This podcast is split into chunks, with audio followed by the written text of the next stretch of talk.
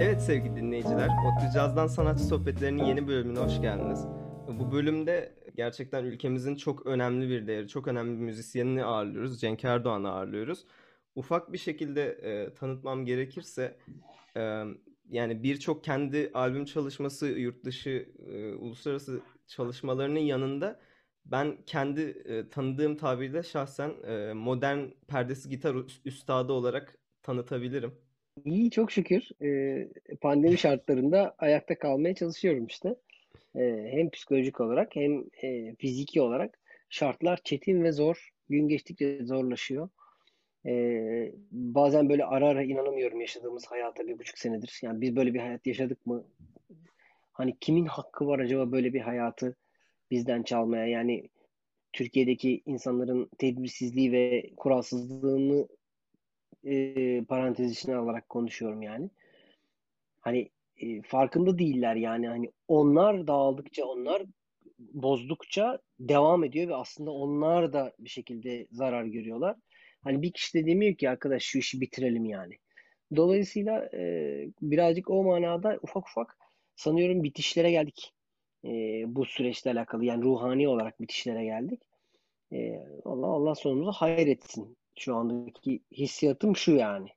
Hani e, inşallah Eylül'de tekrardan önümüzdeki Eylül'de en azından konserlerimizi çalmaya başlayabiliriz gibi bir e, hafif de karamsar bir şeydeyim, bir moddayım açıkçası. Belki de ODTÜ'de buluşuruz ya. Belli olmaz yani. Evet. Umarız. Kim bilir ben kaç kaçıncı kezdir kaçıncı kezdir oraya bir şekilde davet ediliyorum. Ya son dakikada festivalde bir problem çıkıyor ya biz, bizim çaldığımız şeyle alakalı bir problem çıkıyor. Çok isterim gelip çalmak yani. Ee, eğer ODTÜ'ye geleceğinizi duyarsak ben şahsen en önden ıı, olması için elimden geleni yapacağım yani. Bir şeyler bozulmasın ki gelebileyim. Tamam, peki. peki Cenk abi biraz böyle geçmişe gidersek enstrümanlarınla, müzikle ilk tanıştığın zamanlarla ilgili bize neler anlatabilirsin? Ee, ben enstrümanla mahallede bir e, çocuk vasıtasıyla tanıştım. Yani mahallemizde gitar çalan bizden büyük birisi vardı. Ee, ve o ilk ilk gitar çaldığında karşımda böyle çok etkilenmiştim yani hani ya ses o enstrümandan çıkan tını e, ve onunla yapabileceklerim yani ben aslında çocukluğumdan itibaren hep yaratıcı bir çocuktum yani kendi oyuncaklarımı da ben yapardım yani mesela o zamanlar e, siz de pek takılmamışsınızdır ama Red Kit çok meşhurdu. E, Red Kit'lerin büyük e, magazinleri olurdu böyle, komik magazinleri. Ve o magazinlerden Red Kit'in şeylerini böyle ince ince kesip onu kartona yapıştırdım. E, ve kartonla böyle onu ayakta tutardım. Dolayısıyla da böyle bütün o e, western kasabalarının falan filan görsellerinden böyle bir arkalarında ayakta duran anlayabileceğim bir western kasabası falan filan yapmıştım kendime. Dolayısıyla e, bu yaratıcılığı müzikle aktarabileceğimi anladığım an e, benim için yani müzik vazgeçilmez bir şey oldu yani ifade biçimi oldu. E, ve çocukluğumdan beri böyle gözüme çarpan e, işte yüklükteki yani dolabın en üstünde böyle hiç kimsenin takılmadığı babamın evinde bir gitar vardı. Onu rica ettim babamdan. E, babam Antalya'da yaşıyordu. Biz İstanbul'da yaşıyorduk annemle beraber. E, babam da onu yolladı bana ve e, öyle başladı. Yani akort vurguları olmayan, e, penseyle böyle akort etmeye çalıştığım ve sinirimden ağladığım, e, bunu yaparken sinirimden ağladığım bir gitarla gitar çalmaya başladım. E, oradan buraya kadar geldi sanıyorum. E, 15 yaşında başladım ben. Şimdi 42 yaşındayım işte hesapladığınız zaman e, ortaya çıkan rakam sizi ürkütmesin. Abi e, Peki bu gitarla tanıştıktan sonra tabii yıllar sonra artık Cenk Erdoğan olduktan sonra diyeyim. Gitarların herhalde e, çoğu özellikle perdesiz gitarın falan sana özel üretimdir yani handmade'dir diye tahmin ediyorum değil mi? Öyle mi? Aynen öyle. Evet ee, öyle. Pek, ya peki abi bu senin özellikle bu handmade gitarında e, tercihlerin ne yönde oluyor? Yani işçiliği olsun, ağacı olsun falan. Na- nasıl bir gitar tercih ediyorsun? Bir de bu senin gitarının mesela bizim herhangi bir müzik markete gidip e, bize bir perdesiz gitar verin dememizden ne farkı oluyor? Cancım şöyle, e, şimdi tabii ki ben de başlangıçta önce şunu söylemek isterim yani buradan. Ee, enstrüman tabii ki iyi enstrüman çok çok önemli bir şey. Yani bir enstrümanisti çok ileri götüren ve acayip konfor sağlayan bir şey. Ee, ama e, iş şunlarda bitiyor. Yani hangi enstrümanı çalarsan çal, istersen 30 liralık gitarda çal, istersen 30 bin liralık gitarda çal. Ee, sen gitardan e, gitarı anlayıp o gitardan çıkabilecek maksimal düzeydeki sesi çıkartamıyor isen, öyle bir tekniğe ve müzikal algıya sahip değilsen e, zaten ne yaparsan yap e, dünyanın en iyi gitarından da doğru düzgün ton çıkaramazsın demektir. E, ben bunun en böyle şey örneklerinden, ayan beyan örneklerinden bir tanesiyim. Çünkü e, ben daha geçtiğimiz iki sene öncesine kadar e, hayal ettiğim gitarları çalamamış bir gitarcıyım. Yani hep e, yani sizin o duyduğunuz birçok kayıtta e, kullandığım benim ilk albüm, ikinci albüm, e, işte Lahza albümleri vesaire falan filan gitarlarda kullandığım mesela çift saplı perdesiz gitarım, biri perdesiz, biri perdeli olan gitarım mesela Ekrem Özkarpat'ın gövdesini yaptı ama sapları ve manyetikleri kort bir gitardan söktüğümüz daha doğrusu ucuz olsun diye iki tane kort gitar satın aldık. O gitarın bütün aksanlarını ve saplarını kullandık. Burguları, eşitleri, manyetikleri, volüm nobları her şeyini kasalarını ben Ekrem'e hediye ettim. Ekrem onlara yeni saplar yapıp sattı onları. Bana da o iki sapın birleşeceği bir gövde tasarladı. Yani bir gövde yaptı. Bu gitarla çaldım. Ee, başka bir kortlardan tabii çok büyük performans alınca ben ya bu kort aslında kötü bir gitar değilmiş falan filan deyip ilk e, elektrik gitarımı 2000 yılında korttan almıştım zaten ben. E, o gitarla e, Sezen Aksu'dan tutun Emel Sayın'a kadar e, onlarca albüm kaydından tutun işte jingle kayıtlarına kadar her yerde çaldım. E, uzun yıllar kort çaldım. Yani Jehan Barbur'un ilk iki albümünü kort akustik gitarla falan çaldım. Yani gitarım yoktu. Yani çünkü param yoktu alacak iyi bir gitar. E, ama şunu biliyordum. Bir gitarcı elindeki enstrümandan en yüksek seviyede sesi çıkarmak zorundadır. Bunu anlamıştım yani. Biliyordum yani atıyorum işte C telinin e, 16. perdesindeki nota e, iyi tınlamıyor yani bu gitarda. Bunu öğrendim. O nota denk gelirse bana notada ben onu mi telinin bilmem ne perdesinden basmayı öğrenmiştim. Yani bu tercihleri yapma şeyi bana gelmişti. Fakat daha sonra e, tabii ki çok yani şükür yani mesleki olarak çok şükür e, yani kariyerim ilerledikçe e, ve lütiyeler Türkiye'de genç lütiyeler kafası açık lütiyeler gelişmeye ilerlemeye başladıkça o insanlar tecrübelerimizden yararlanmak için bizle diyaloğa geçtiler. Biz de o insanlarla arkadaş olduk ve onlara e, fikirlerimizi ve tecrübelerimizi aktardık. Tabii böyle durumlarda ne oldu? O zaman abi ben sana bir gitar yapayım. Çal bak bakalım nasıl bakacaksın bu gitara dendi. Ve tam bu dönemde de sosyal medya ve diğer e, sistemler geliştiği için artık şöyle bir deal olmaya başladı. Enstrüman yapımcısı enstrümanını iyi tanıtabilecek bir gitarcıya enstrüman yapar, hediye eder ya da ne bileyim çok düşük bir maliyetle satar. E, enstrümanı alan müzisyen de gerçekten severse bu adamın gitarları başka insanlarda da olsun diye elinden gelen gayreti ardına komaz. Yani benim bildiğim bu, bu ilişkiden. Dolayısıyla çok şanslıyım ki Türkiye'deki birkaç tane çok değerli e, enstrüman yapımcısı ile böyle çalışmalarım oldu. Bunların başında Anıl Aras, Can Oral gibi iki tane genç böyle çivi gibi daha 30'larını görmemiş e, iki tane yetenekli adam sen ne söylersen böyle bak burada işte güzel ama bak basları dengesiz bunun bak balansı şöyle bu stüdyoda şöyle olur yani gibi böyle briefler vererek onları yönlendiriyorum ben. E, ve sonun sonucunda e, her brieften sonra her yapılan gitarlara gidip çalıyorum. Her brieften sonra küçücük değişmelerle e, neredeyse mükemmele yakın bir ses çıkarmaya başladılar. E, Tam bunlar böyle bir şekilde giderken benim rüyalarımda çaldığım bir ustanın gitarı vardı yani. Rüyalarımda ben o adamın gitarlarını çalıyorum. Öyle düşünün. E, ve e, bundan iki sene evvel, e, iki buçuk sene evvel Nashville'e e, NEM Müzik Fuarı'na davet edildim bir firma tarafından. E, fuara gittim. Benden istenen şey onların ekipmanlarıyla konserler vermem günde üç kere ve fuardaki standa insan çekmem. Yani bu bir business netice itibariyle.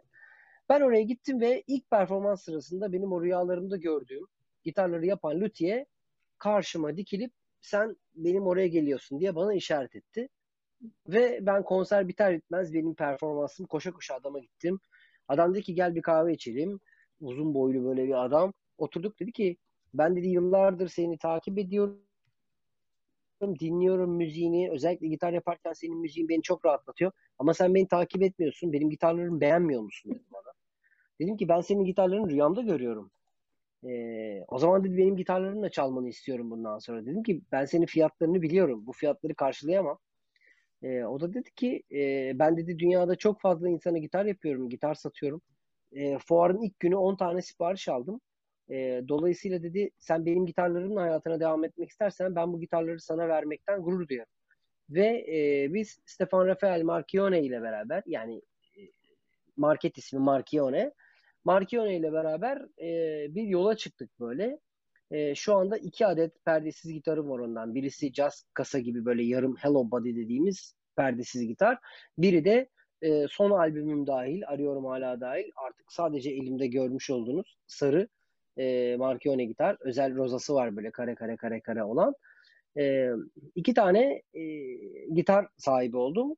E, çok uzattım konuyu ama e, buradan da şunu anladım ki e, gerçekten çok tecrübeli ve üst düzey bir luthier çok iyi gitar yapıyormuş. Ve gerçekten de o çok iyi gitarla e, iyi çalan, tekniği ve tonu tuşesi olan ve kafasında müzik olan bir müzisyen çok fazla şey üretebiliyormuş. Buradan da 42 yaşında bunu anlamış oldum. Konunun özeti tabii ki iyi tınlayan, iyi entonasyon olan bir enstrümanınız olsun. Davuldan basa, flütten gitara kadar hiç fark etmez. Geri kalanı dudağınızda, elinizde, ayağınızda, kolunuzda, bacağınızda. Ama e, işin totalinde flüt çalan birisi e, çinmalı bir flütle çalarken işte en üstteki mesela işte diyelim fa sesinde zorlanırken e, gerçekten Alman yapımı bir flütle zorlanmayacaktır yani. Bu da işin gerçeği. E, dolayısıyla öncelikle Türk lüthiyeleri başta desteklemek e, ilk mottom. Ama bir yandan da tabii ki e, çok dünya starı bir enstrümanist, enstrüman yapımcısının gitarlarını çalmak da en büyük keyfim diyebilirim yani. Abi peki şimdi benim aklıma bir soru gelmişti seninle sohbetten önce. Ee, aslında çok basit bir Google araştırmasıyla bulabileceğimi, e, anlayabileceğimi düşünüyorum ama hazır seni yakalamışken sana sormak istedim ben açıkçası. Ee, şimdi mikrotonal gitarla perdesiz gitar arasındaki farkı merak ediyorum ben abi. Daha doğrusu perdesiz gitar varken niye ben bir de mikrotonal gitara ihtiyaç duyuyorum? Benim aklımda bir soru işareti. Sana sormak istedim. Şimdi şöyle, e, mikrotonal gitar e, sevgili kardeşim Tolga'nın e, tasarlamış olduğu bir enstrüman. Evet. E, gitar dünyasında şu anda biraz öne çıkıyor ve işte e, ilgi çeken bir enstrüman. E, ve fakat bu aslında tasarım 1974'lerde 78'ler civarında e, zaten aslında e, bir adam tarafından Avrupa'da tasarlanmış. İsmi Minton diye bir gitar. E, burada e, Minton gitarla Tolga'nın yaptığı gitar arasındaki mikrotonal fark şu. E, biliyorsunuz gitar arkadaşlar entonasyonu doğru bir enstrüman değil. Yani e, gitardaki birinci perdedeki sol telindeki sol diyez her zaman daha pes tınlıyor. Dolayısıyla mi majör bastığınızda e, böyle doğru tınlayan, doğru tınlattığınız bir akor do majör bastığınızda sol sesi bu sefer pes tınladığı için kötü tınlıyor. Dolayısıyla da e, e, bu 1978'de bunu yapan e, usta e, gitardan en iyi entonasyonu yani entonasyonda tırnak içinde konuşursak notaların gerçek frekans değerleri. Nasıl diyoruz ki La 440 sol diyezde mesela diyelim ki işte 433 mesela. Diyelim sol 429 gibi. Bunların tam nota değerini, frekans değerini vermek için bu min ton dediği çok hafif böyle hareket ettirilebilir e, mikrotonal gitarı yapmış. Fakat burada e, bu böyle bir tasarlamış ve hiç kimse tarafından duyulmamış. E, Tolga'nın e, bu konuya gelmesinin, bu konuya yaklaşmasının sebebi de şu ki e, gitardan perdeleri söktüğümüz zaman gitarın soundunda büyük bir değişik oluyor. Gitarın bütün tizleri e, ve perdeden kaynaklı gelen harmonikleri e, değişiyor. Kimileri ölüyor, kimileri kayboluyor. Dolayısıyla da Tolgahan e, diyor ki ben gitarın ana sesini hiç bozmadan bir klasik gitarın genel sound'unu hiç bozmadan Türk müziği nasıl çalarım? Bunu da aralara perde ekleyerek çalarım. Peki bu perdeleri her seferinde hep buraya buraya buraya buraya her parçada yapıştırmam mı gerek? Değil. O zaman ben bunları hareket ettirebilecek bir düzenek kurarsam ben o zaman her parçada küçücük çekiç hareketleriyle bu makamsal düzeni değiştirip e, bir şey yaparım. Bir yola çıkarım. Bu fikirden e, mütevellit yola çıkıyor ve e, ben daha bu fikir e, ortadayken daha fikir olarak e, İTÜ şeyinden geçmişken araştırma e, tasarısından geçmişkenden beridir biliyorum. Yani o gitarın bütün yapım aşamasından tutun da öncesine kadar biliyorum. E, perdesiz gitar çalarken varken perdeli gitara bundan ihtiyaç var. Şey e, mikrotonal gitara bundan ihtiyaç var. Bana sorarsan bence yani gitar dünyası açısından önemli bir buluş mu? Evet önemli buluş. Daha evvel bulunmuş bir şey ama tamamıyla kaybolmuş bir şey ve tekrardan canlandırılmış ve sonsuz hareket kabiliyeti sağlanmış bir e, yaratım. E, müzikal olarak fikrimi sorarsan e, ben ondan çıkan sesten çok haz aldığımı söyleyemem. Çünkü Türk müziğinde, Türk müziği makamlarında ve makam icrasında şöyle bir şey vardır. Biz e, kalın sesten tiz sese, tiz sese giderken yani çıkarken denir buna. Çıkarken makamları birazcık tiz çalarız yani komaları. Çıkıcı hareketi tamamlayabilmesi için kulağımızın. Karara gelirken de inerken de karara gelmek için biraz pes basarız. Şimdi mikrotonal gitarda bunu yapamıyorsun tabii. Makam, makamın olduğu, komanın olduğu yer doğru ama geri dönerken de oraya basmak zorunda kalıyorsun. Dolayısıyla bu e, benim gibi böyle hani kalbini çok derinden böyle Türk müziğine kaptırmış e, tutucu olmayan ama yani onu da çok eklemek isterim. Tutucu olmayan ama o müziği çok seven bir adam için ters bir şey. E, çünkü e, Türk müziği teknikten ve şeyden ibaret değildir. Hissiyat ve kalpten yani ruhtan ibarettir yani. E, şimdi sen her geldiğinde aynı komayı çaldığın zaman o teknik teknik bir e, varlık olmaya başlıyor.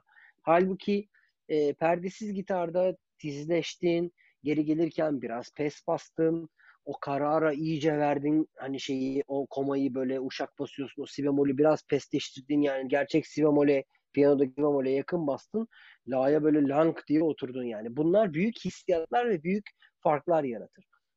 Buradan hareketle ben Tolga Ançoğlu'yu desteklemiyor muyum, destekliyor muyum sorusu doğuyorsa kafana sonuna kadar destekliyorum. Çünkü Tolgahan e, işin iç yüzünü çok iyi bilen bir adam.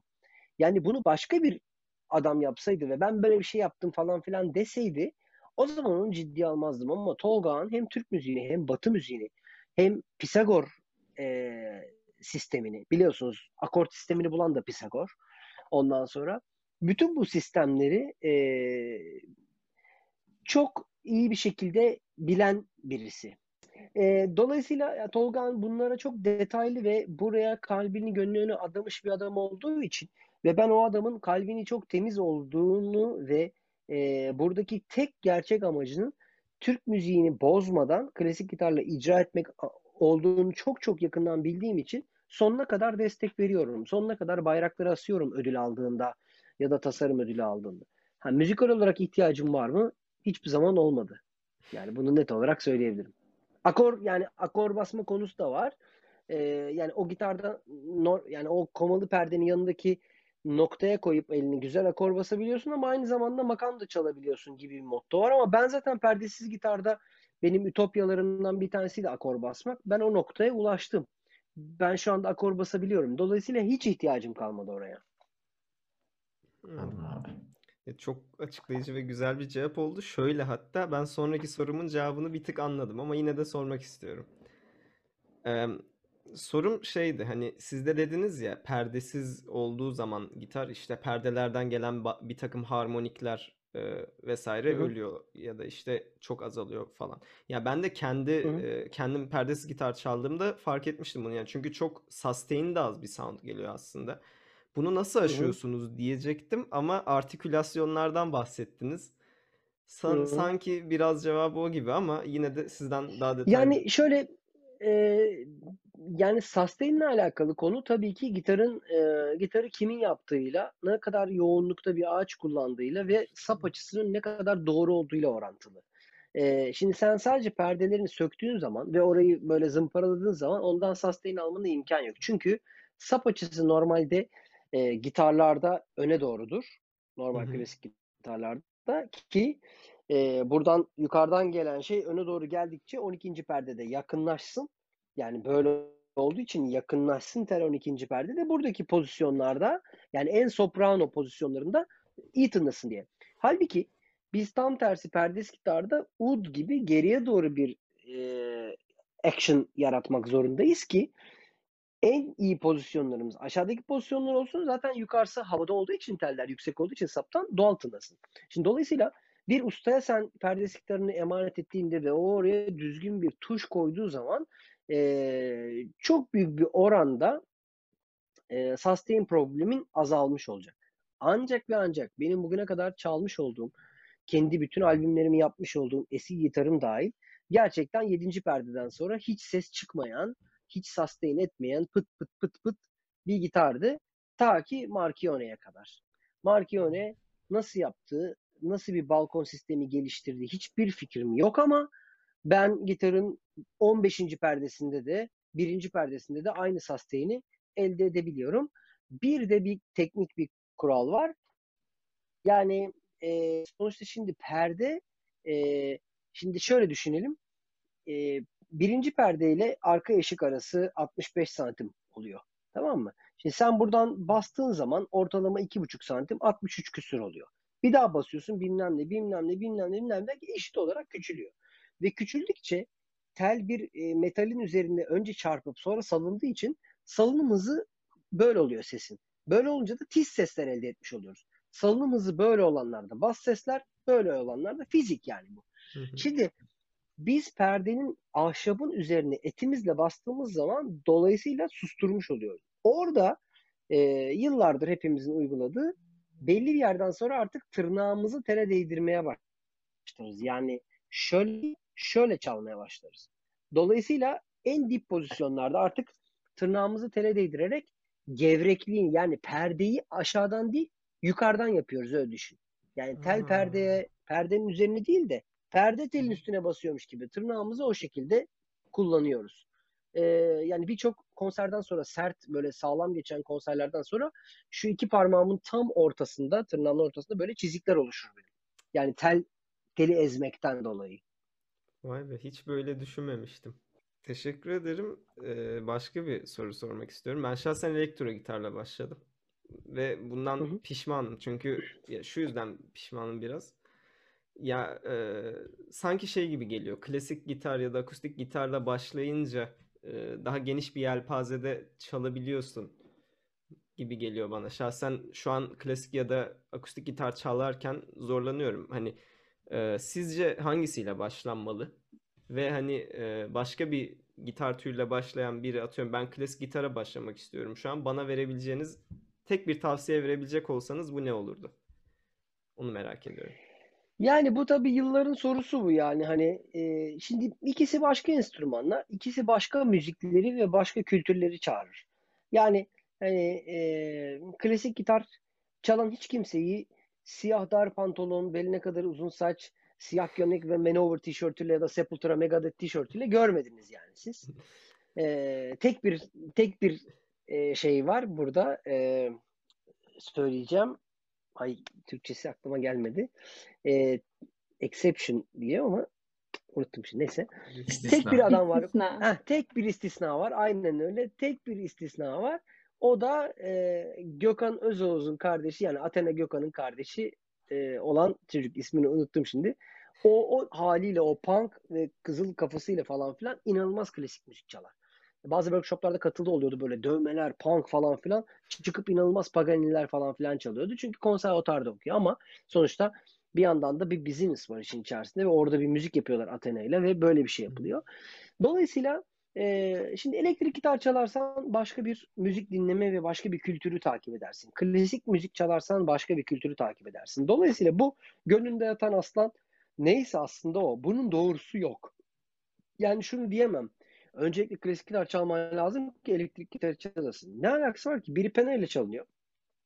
Biri fingerstyle çalınıyor. Hadi sol el tamam. Hadi. Sol el ikisinde de ortak.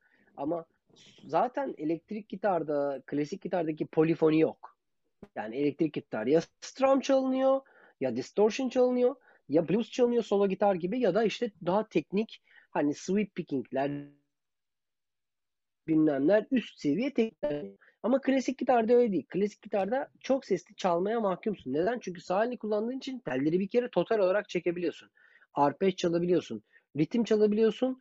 Yukarıdan basla bir şey çalarken aşağıdan başka melodiler çalabiliyorsun. Dolayısıyla e, ikisi yani ben etrafımda zaten öyle ders vermiyorum ama etrafımda eşim dostum sorduğu zaman çocuklarına soruyorum. Ne dinliyorsun? Sen işte ben abicim işte Metallica dinliyorum. Ben ne dinliyorum. Babası diyor ki bir klasik gitar alalım mı? Niye? Çünkü klasik gitar ucuz.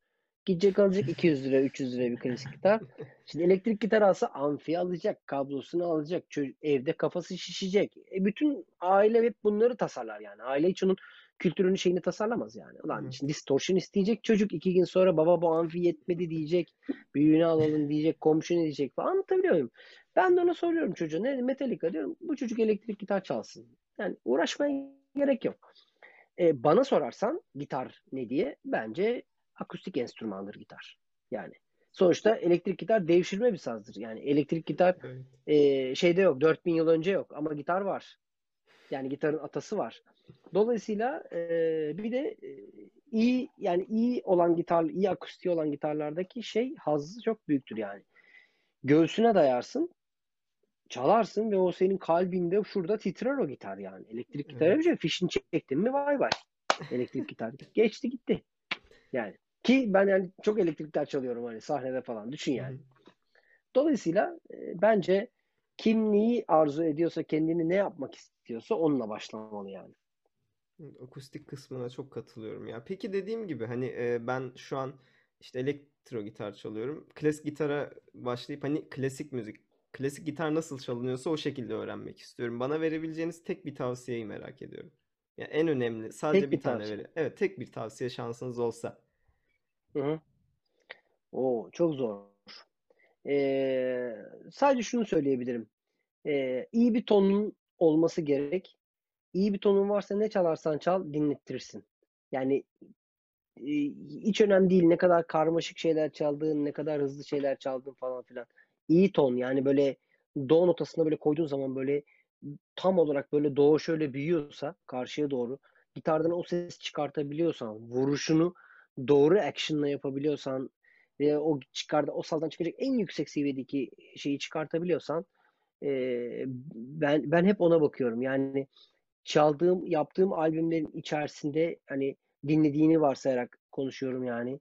Hiçbirisinde teknik bir şey bulamazsın. Şey anlamda teknik yani hani cıgı cıgı cıgı cıgı cıgı cıgı cıgı cıgı cıgı cıgı cıgı şunu duyamazsın. Teknik çok ağır teknik var tabii ki. Evet. Yani mesela atıyorum Fermat albümündeki parçaları çalmak çok ciddi birbirine böyle kompleks bir sürü teknik istiyor. Flamenco tekniğinden tut fingerstyle'e kadar, funk'a kadar, groove çalımına kadar işte e, appendosu, alzapoası onlarca tekniğin bir arada olduğu şey. Ama e,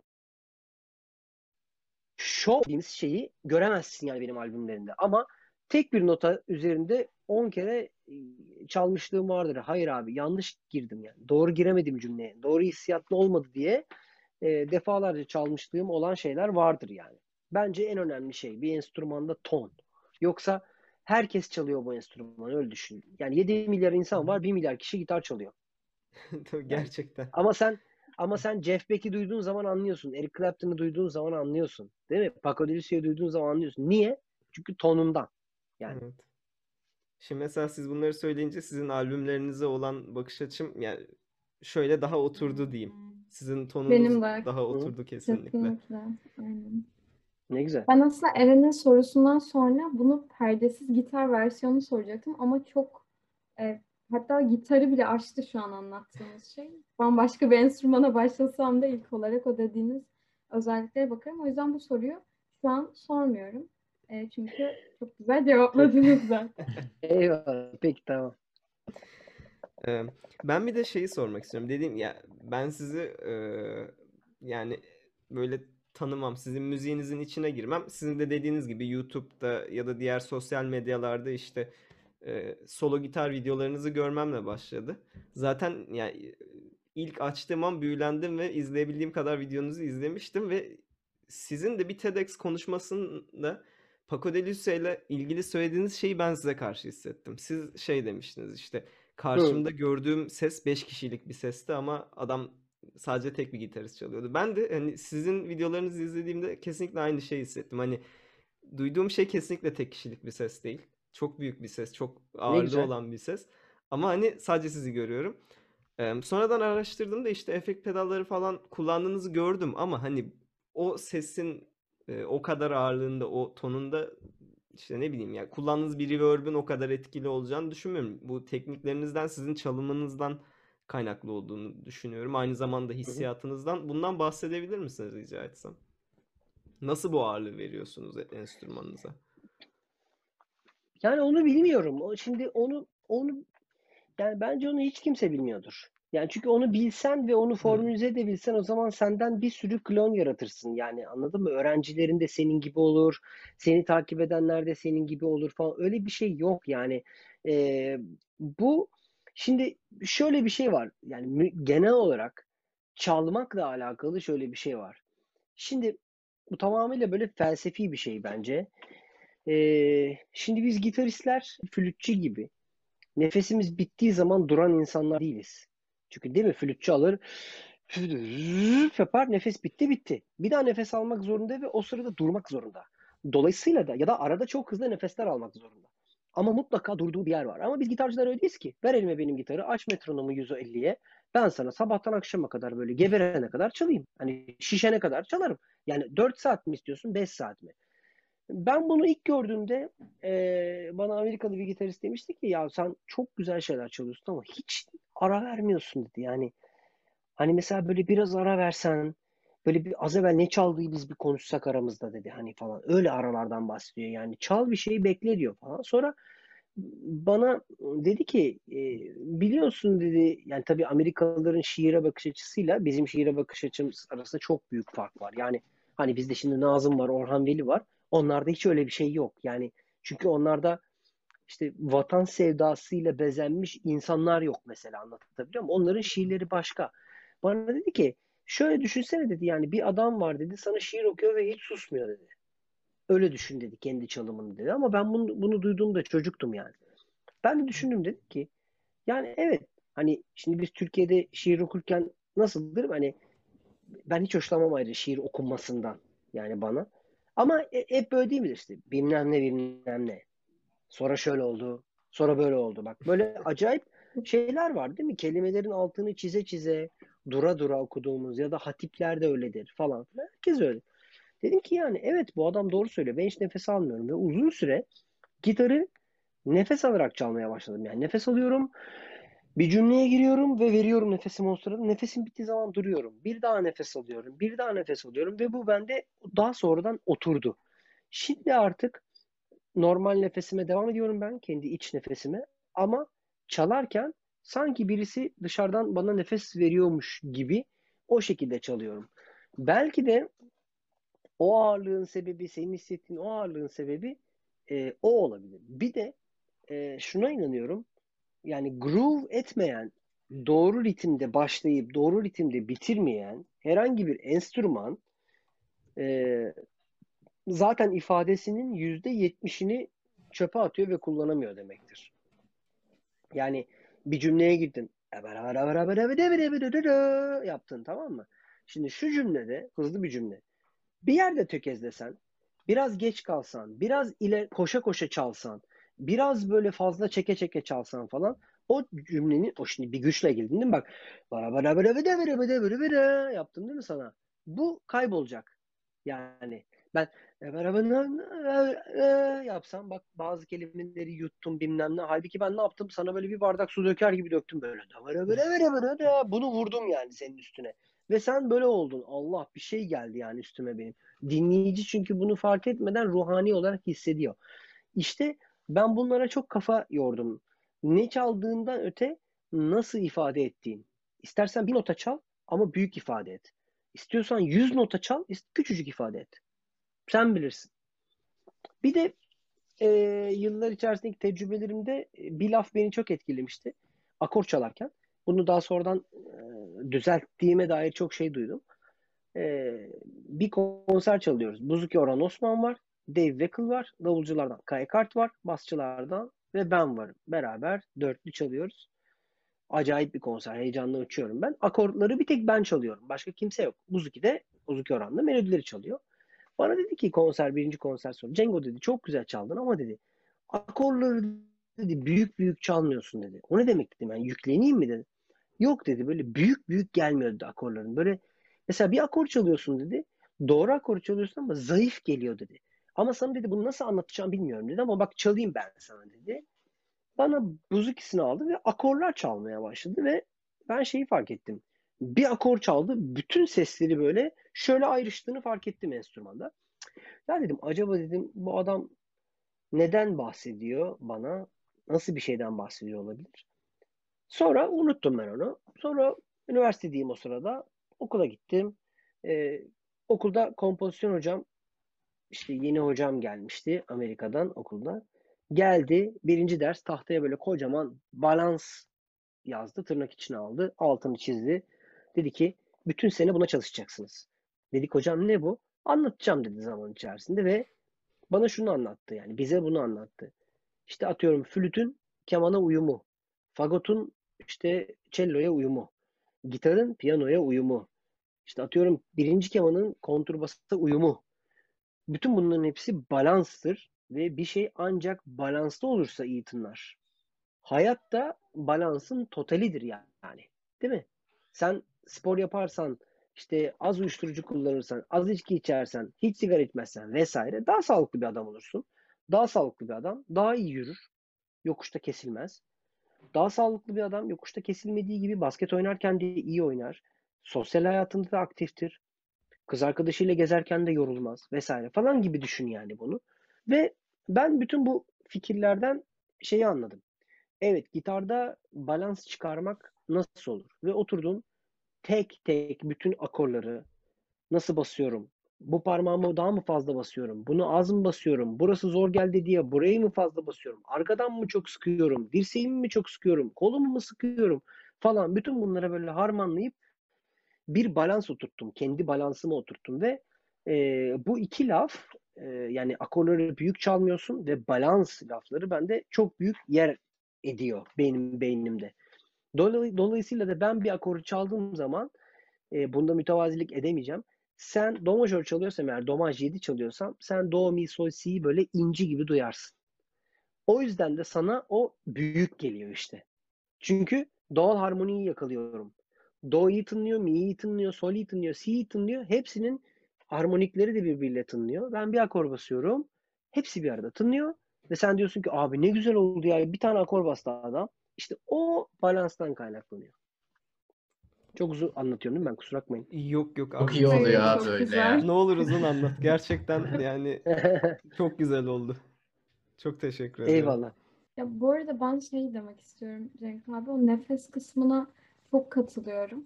Ki bence yani hayatın her noktasında o nefesi alabildiğimizde gerçekten içselleştirmiş oluyoruz bence yaptığımız eylemi.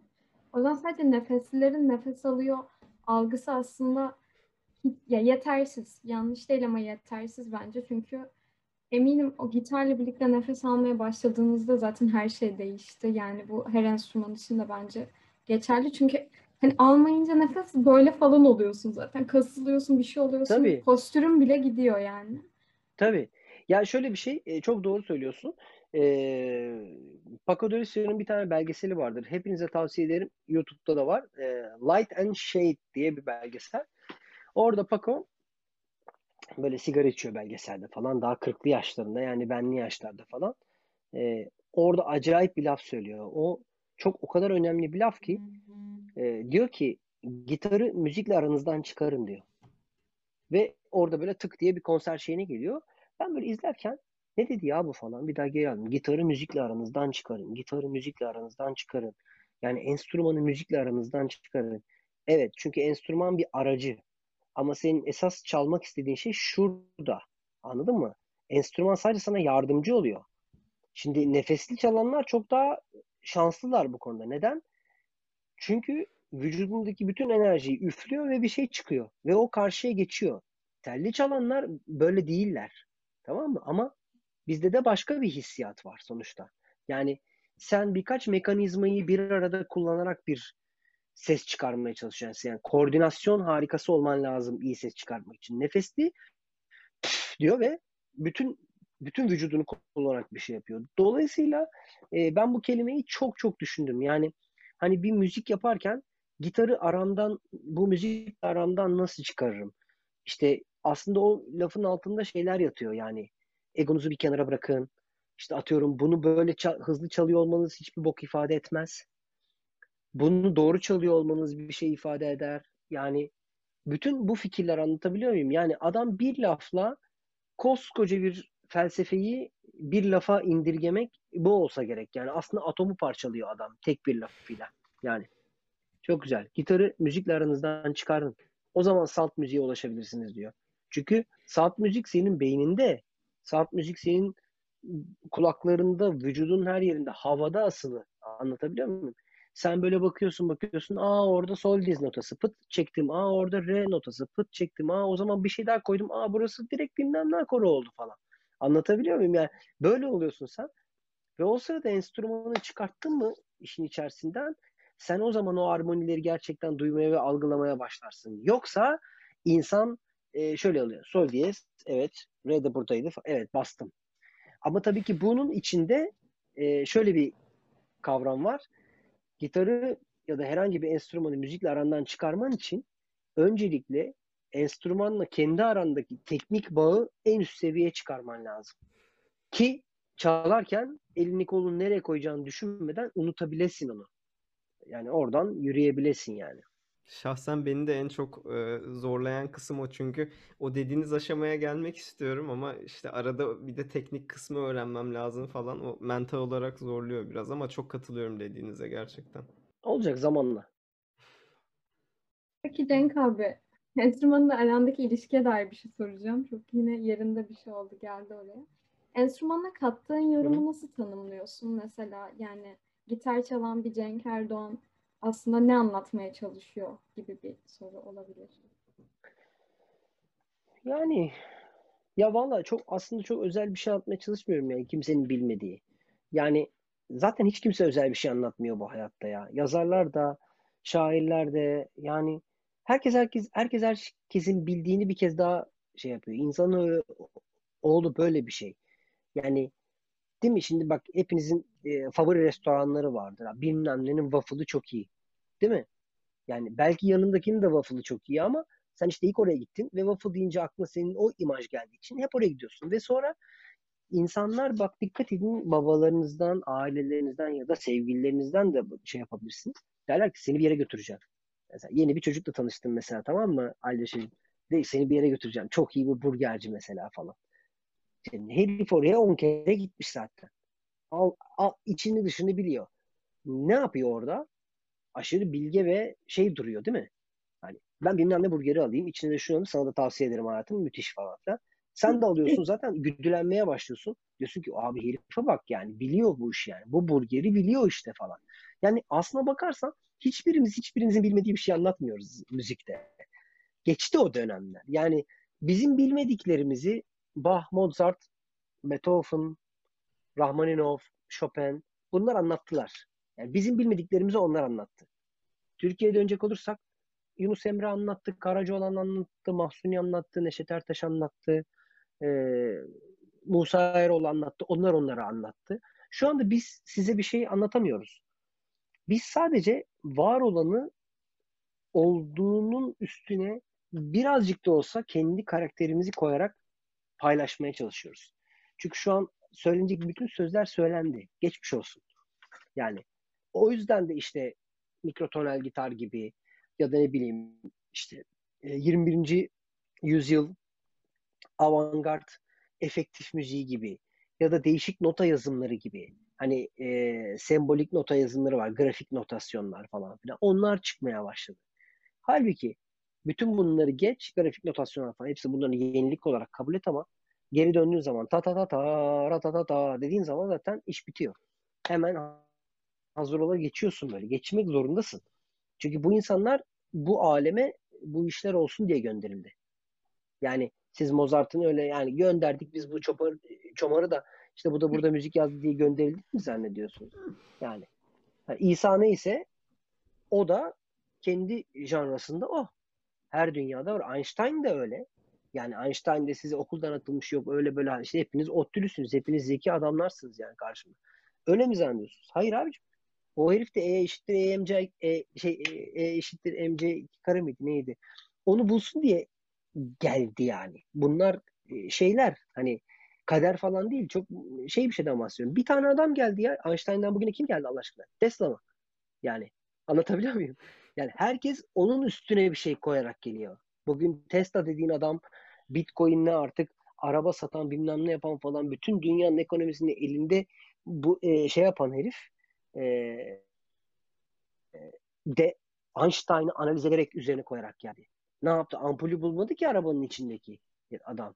Yani zaten bulunmuştu bunlar. Yani bir süreç içerisinde, bir sirkülasyon içerisinde bazı olgular bugün var olsun diye önden gönderildi yani. Bunu artık hangi güç gönderdi?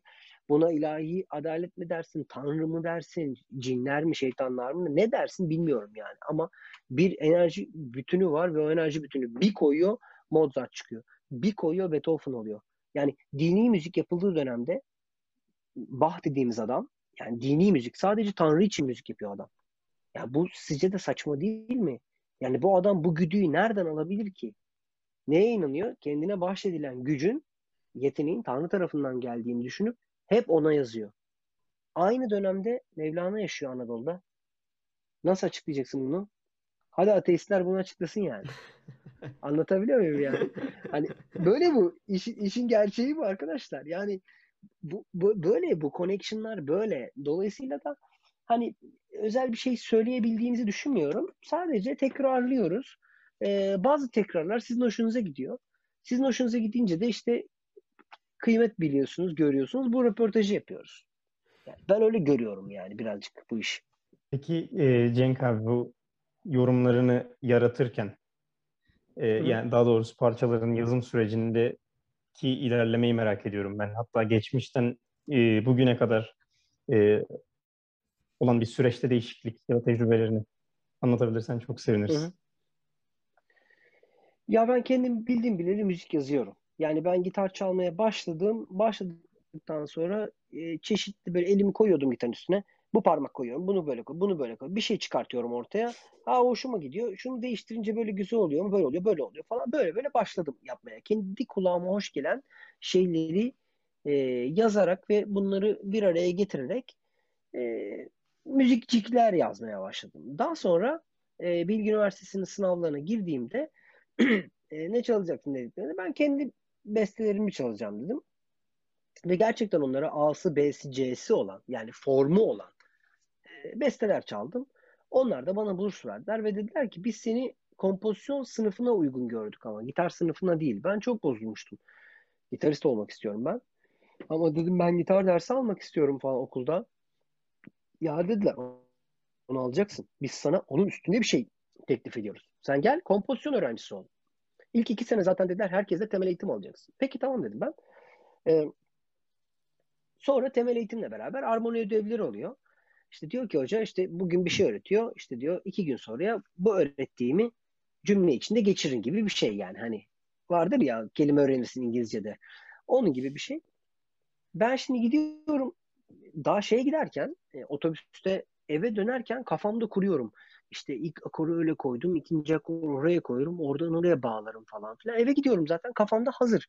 Kağıda döküyorum böyle. Sonra üzerine oturuyorum, uğraşıyorum, güzel melodiler buluyorum. Orada da hep şey kovalıyorum. İyi melodiler yakalayayım yani. Ben hani bir melodi hoşuma gidiyor, bir melodi duymak hoşuma gidiyor falan filan.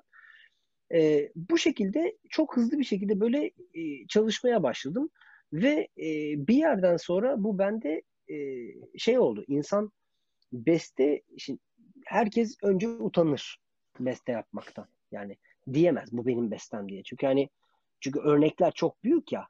Şimdi Mozart varken sen ben besteciyim diyebilir misin? Diyemezsin ama kimse de senden zaten 5. E, senfoni beklemiyor ilk bestende yani sonuç olarak.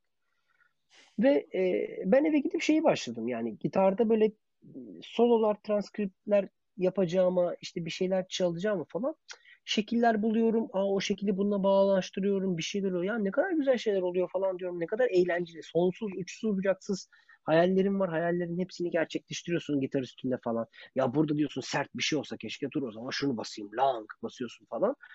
Böyle böyle böyle böyle böyle böyle ben acayip bağlandım besteciliğe ve e, daha sonra zaten 3. sınıfa geçtiğimde ki 3'e geçmeden önce de ben zaten Kent Mete ile klasik müzik kompozisyon derslerine başlamıştım.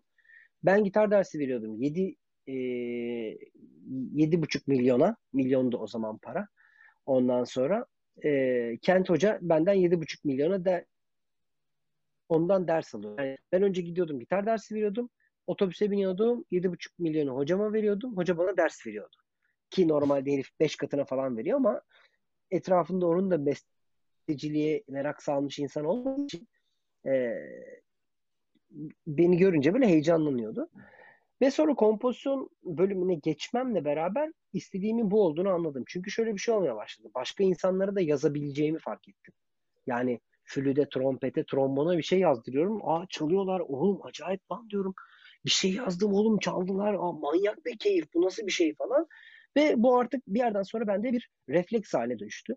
Ee, şu an itibariyle benim beste yapabilmek için oturup işte iki kadeh viski içip ilham gelmesini beklememe falan gerek. Ben sabah yarına bir şey yapmam gerekiyorsa, yetişmesi gerekiyorsa sabah saat 9'da stüdyoma gidip bilgisayarımı açıp kahvemi koyup evet böyle miydi şöyle miydi çat çat çat çat çat çat çat çat falan yapıyorum. Genel totale bakıyorum. Burasını sevmedim. Eleştiriyorum kendimi vesaire. Doğrusunu buluyorum. Dolayısıyla e, eskiden yaptığım gibi şu an beste yapmıyorum. Şu an bir bestenin size ulaşması benden geçmesi o kadar büyük şey alıyor ki, zaman alıyor ki. Yani ben, ben size ulaşanlar e, mesela diyelim ki atıyorum arıyorum arada 9 track mi var?